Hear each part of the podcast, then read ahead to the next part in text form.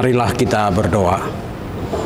Damai sejahtera Allah yang melampaui segala akal pikiran manusia, itulah yang memelihara hatimu di dalam Kristus Yesus Tuhan kita.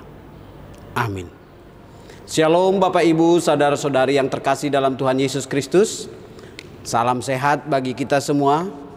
Kita bersyukur di minggu kedua sesudah Trinitatis ini, minggu 26 Juni 2022, kita akan merenungkan firman Tuhan yang terambil dari kitab Rut pasal yang pertama ayat 7 sampai dengan ayat 17. Tema di minggu kita pada saat ini dari Rut pasal pertama ayat 7 sampai 17 adalah pengikut Tuhan yang setia. Saya akan membacakan untuk kita.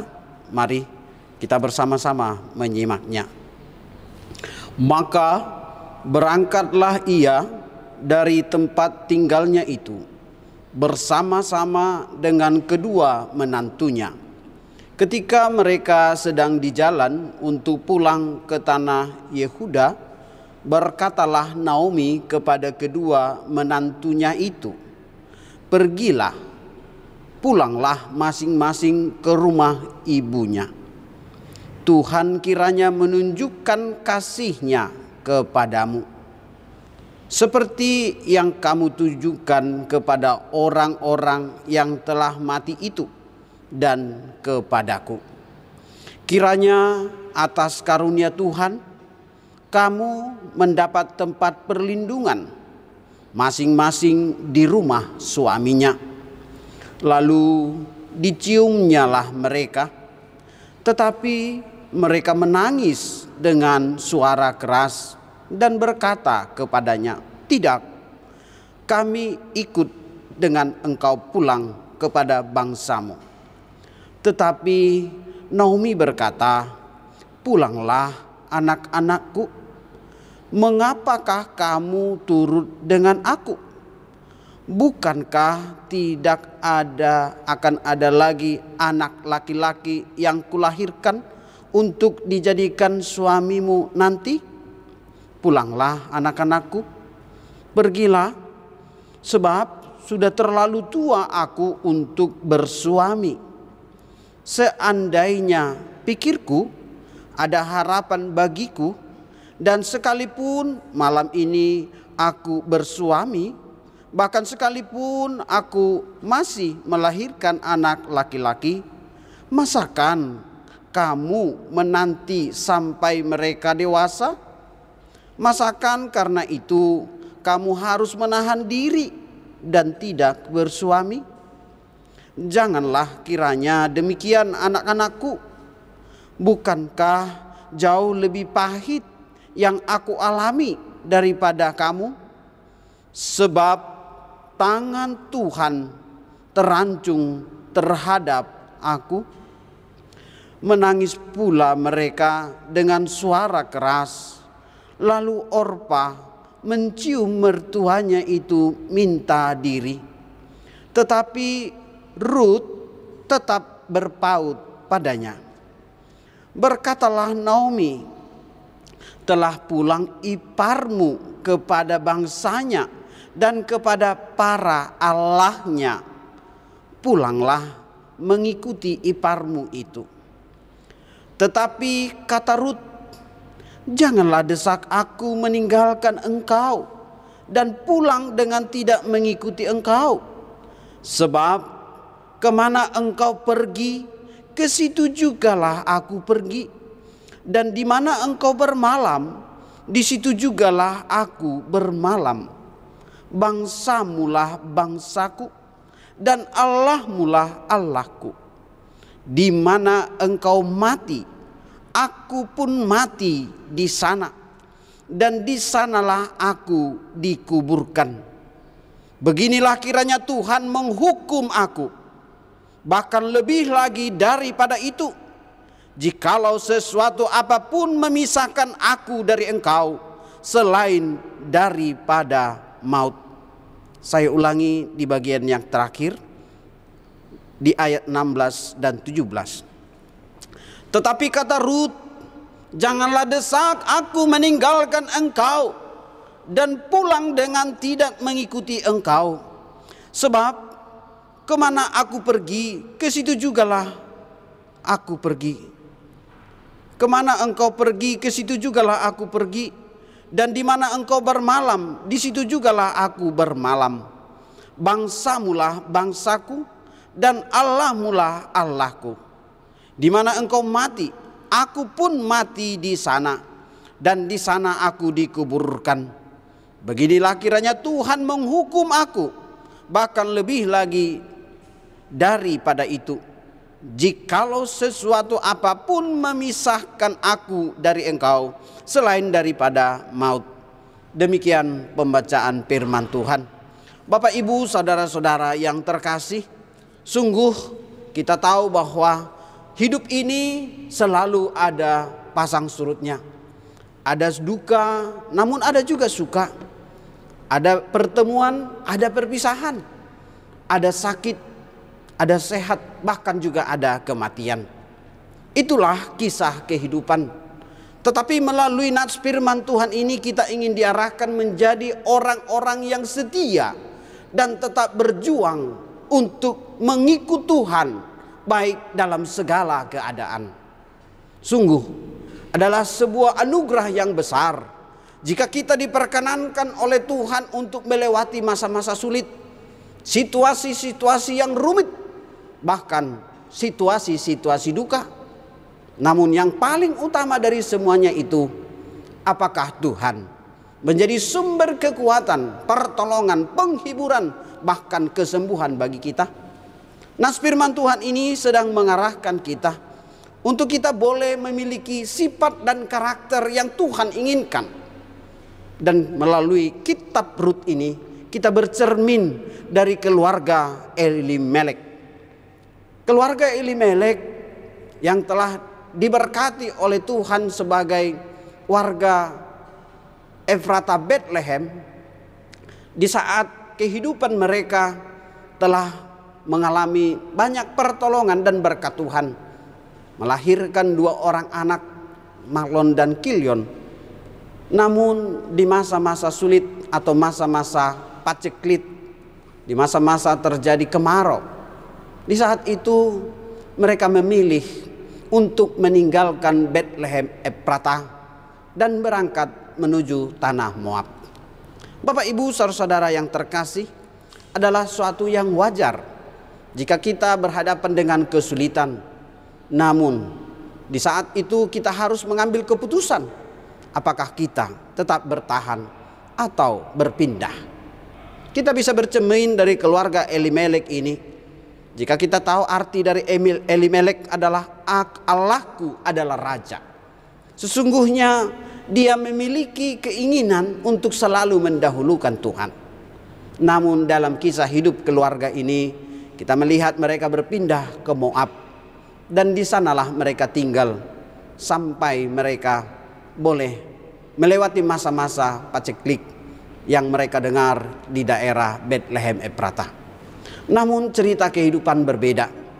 Bahwa Nats ini mencatat Elimelek meninggal di tanah Moab dan meninggalkan Naomi sebagai wanita janda. Namun kemudian yang terjadi adalah kedua anaknya Malkon dan Kilion, keduanya akhirnya memilih untuk menikah dengan wanita Moab. Dan inilah kisah yang bisa kita lihat bahwa Malkon menikah dengan Orpah dan Kilion menikah dengan Ruth. Mereka adalah keturunan Moab. Moab dikenal sebagai keturunan yang menyembah berhala. Dan itu terlahir dari sebuah kelompok yang terjadi di masa relasi incest antara Lot dan sering terjadi dalam kisah kehidupan suku Moab. Mereka sering juga bertikai dengan suku Israel. Bapak Ibu saudara-saudara yang terkasih, dalam teks ini ditunjukkan bahwa Malkon dan Kilion memilih wanita Moab. Namun cerita berlanjut bahwa keduanya juga meninggal. Sehingga yang tinggal adalah Naomi sebagai ibu yang sudah menjadi janda dan kedua menantunya. Nats yang kita baca dari Rut 1 ayat 7 berkata, maka berangkatlah ia dari tempat tinggalnya itu bersama-sama dengan kedua menantunya ketika mereka sedang di jalan untuk pulang ke tanah Yehuda. Bapak Ibu saudara yang terkasih, kita melihat ada kerinduan dari Naomi untuk kembali ke tanah Yehuda. Karena dia mendengar bahwa kehidupan di tanah Yehuda sudah dipulihkan oleh Tuhan.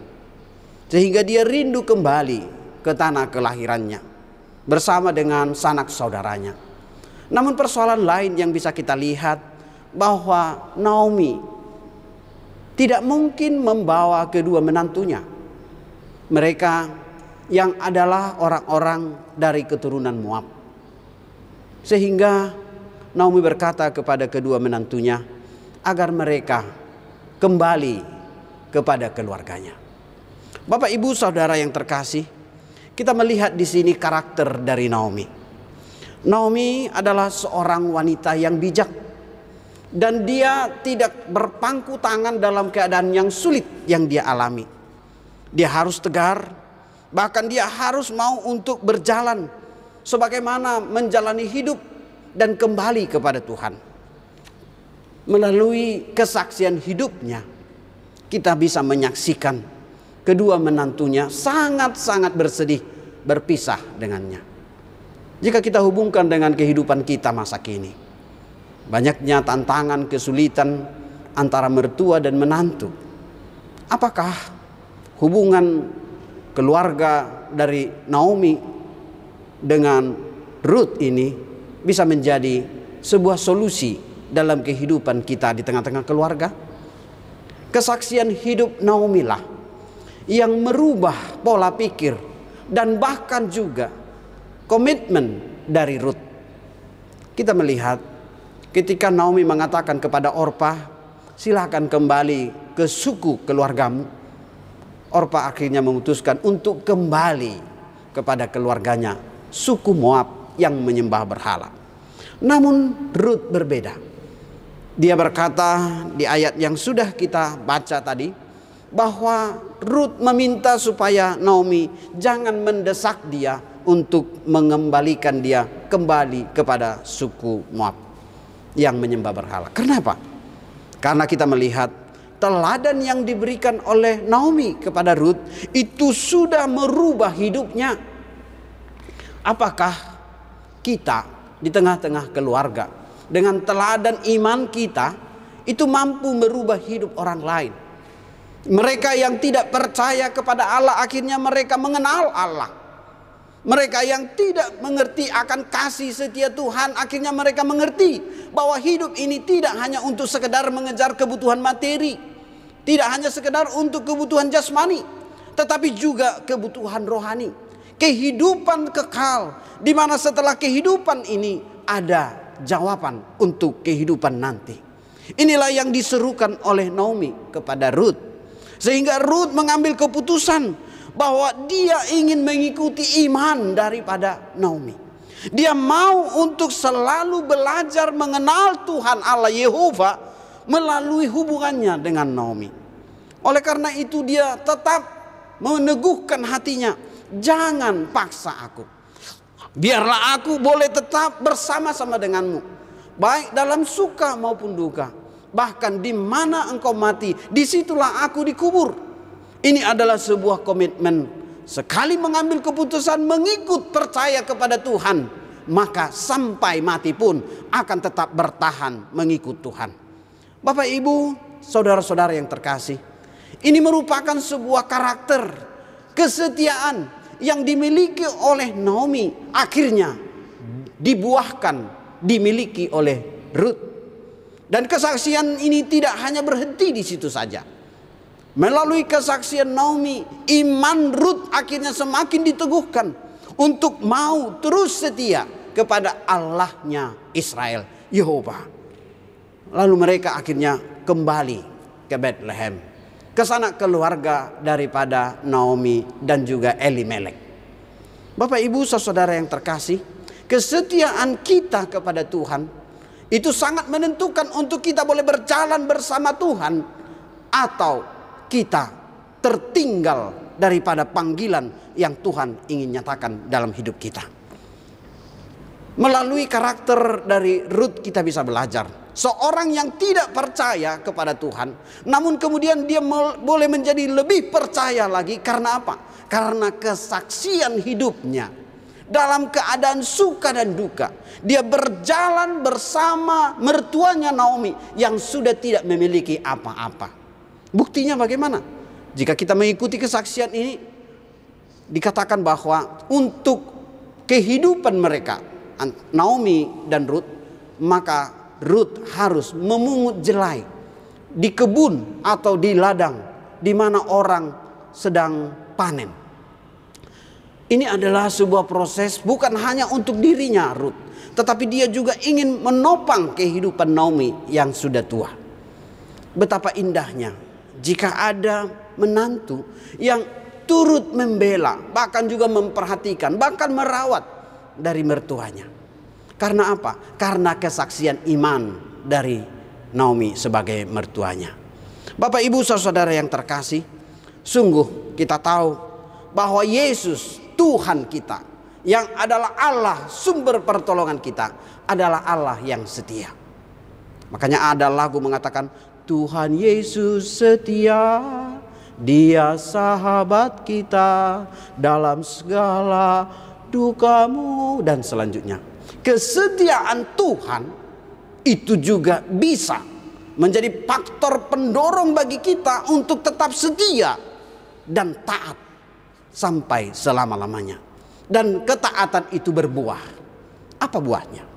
Kita melihat setelah Ruth taat dengan apa yang disampaikan oleh Naomi, lalu kemudian situasi berubah bahwa Ruth diperkenalkan oleh Naomi kepada sanak keluarganya.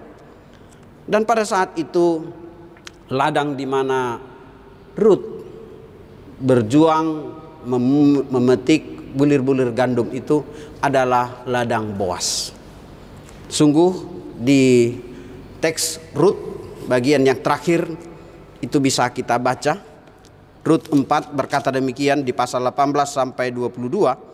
Inilah keturunan Peres. Peres memperanakkan Hezron. Hezron memperanakkan Ram. Ram memperanakkan Aminadab. Aminadab memperanakkan Nahason, Nahason memperanakkan Salmon, Salmon memperanakkan Boas. Nah, ini adalah keturunan dari keluarga Elimelek dan Naomi. Boas. Boaslah yang berhak untuk melindungi keluarga Elimelek dan Naomi, termasuk Ruth. Oleh karena itu ketika Boas melihat ada orang yang bekerja keras di ladangnya dan bukan merupakan uh, bagian daripada karyawannya, dia bertanya, "Siapakah wanita itu?" Dan orang berkata, "Itu adalah menantu Naomi." Lalu Boas mengingat Elimelek dan Naomi. Lalu kemudian dia tahu bahwa Ruth itu adalah menantu Naomi. Rasa tanggung jawabnya ditunjukkannya dengan mengatakan kepada para pekerjanya, biarkan dia untuk memetik jelai yang berjatuhan. Dan kalau perlu, tambahkan jelai yang berjatuhan. Bapak Ibu, kerja keras kita itu tidak hanya bergantung kepada diri kita. Tetapi Tuhan akan memberkati orang-orang yang bersama-sama dengan kita. Bahkan mereka akan dipakai Tuhan untuk menjadi sarana memperlengkapi, menolong, bahkan menopang hidup kita dalam situasi sesulit apa pun. Oleh karena itu, dalam perjuangan iman kita kepada Tuhan, kerja keras harus disertai dengan doa dan penyerahan diri kepada Tuhan.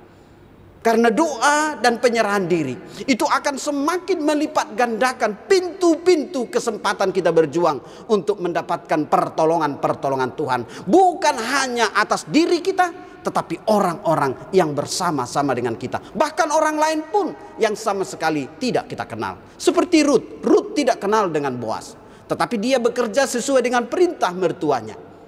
Namun Tuhan memberkati semuanya. Sehingga Boas mengetahui status daripada Ruth dan kemudian akhirnya dengan perhatian yang sungguh-sungguh serius, Boas ingin melindungi mereka.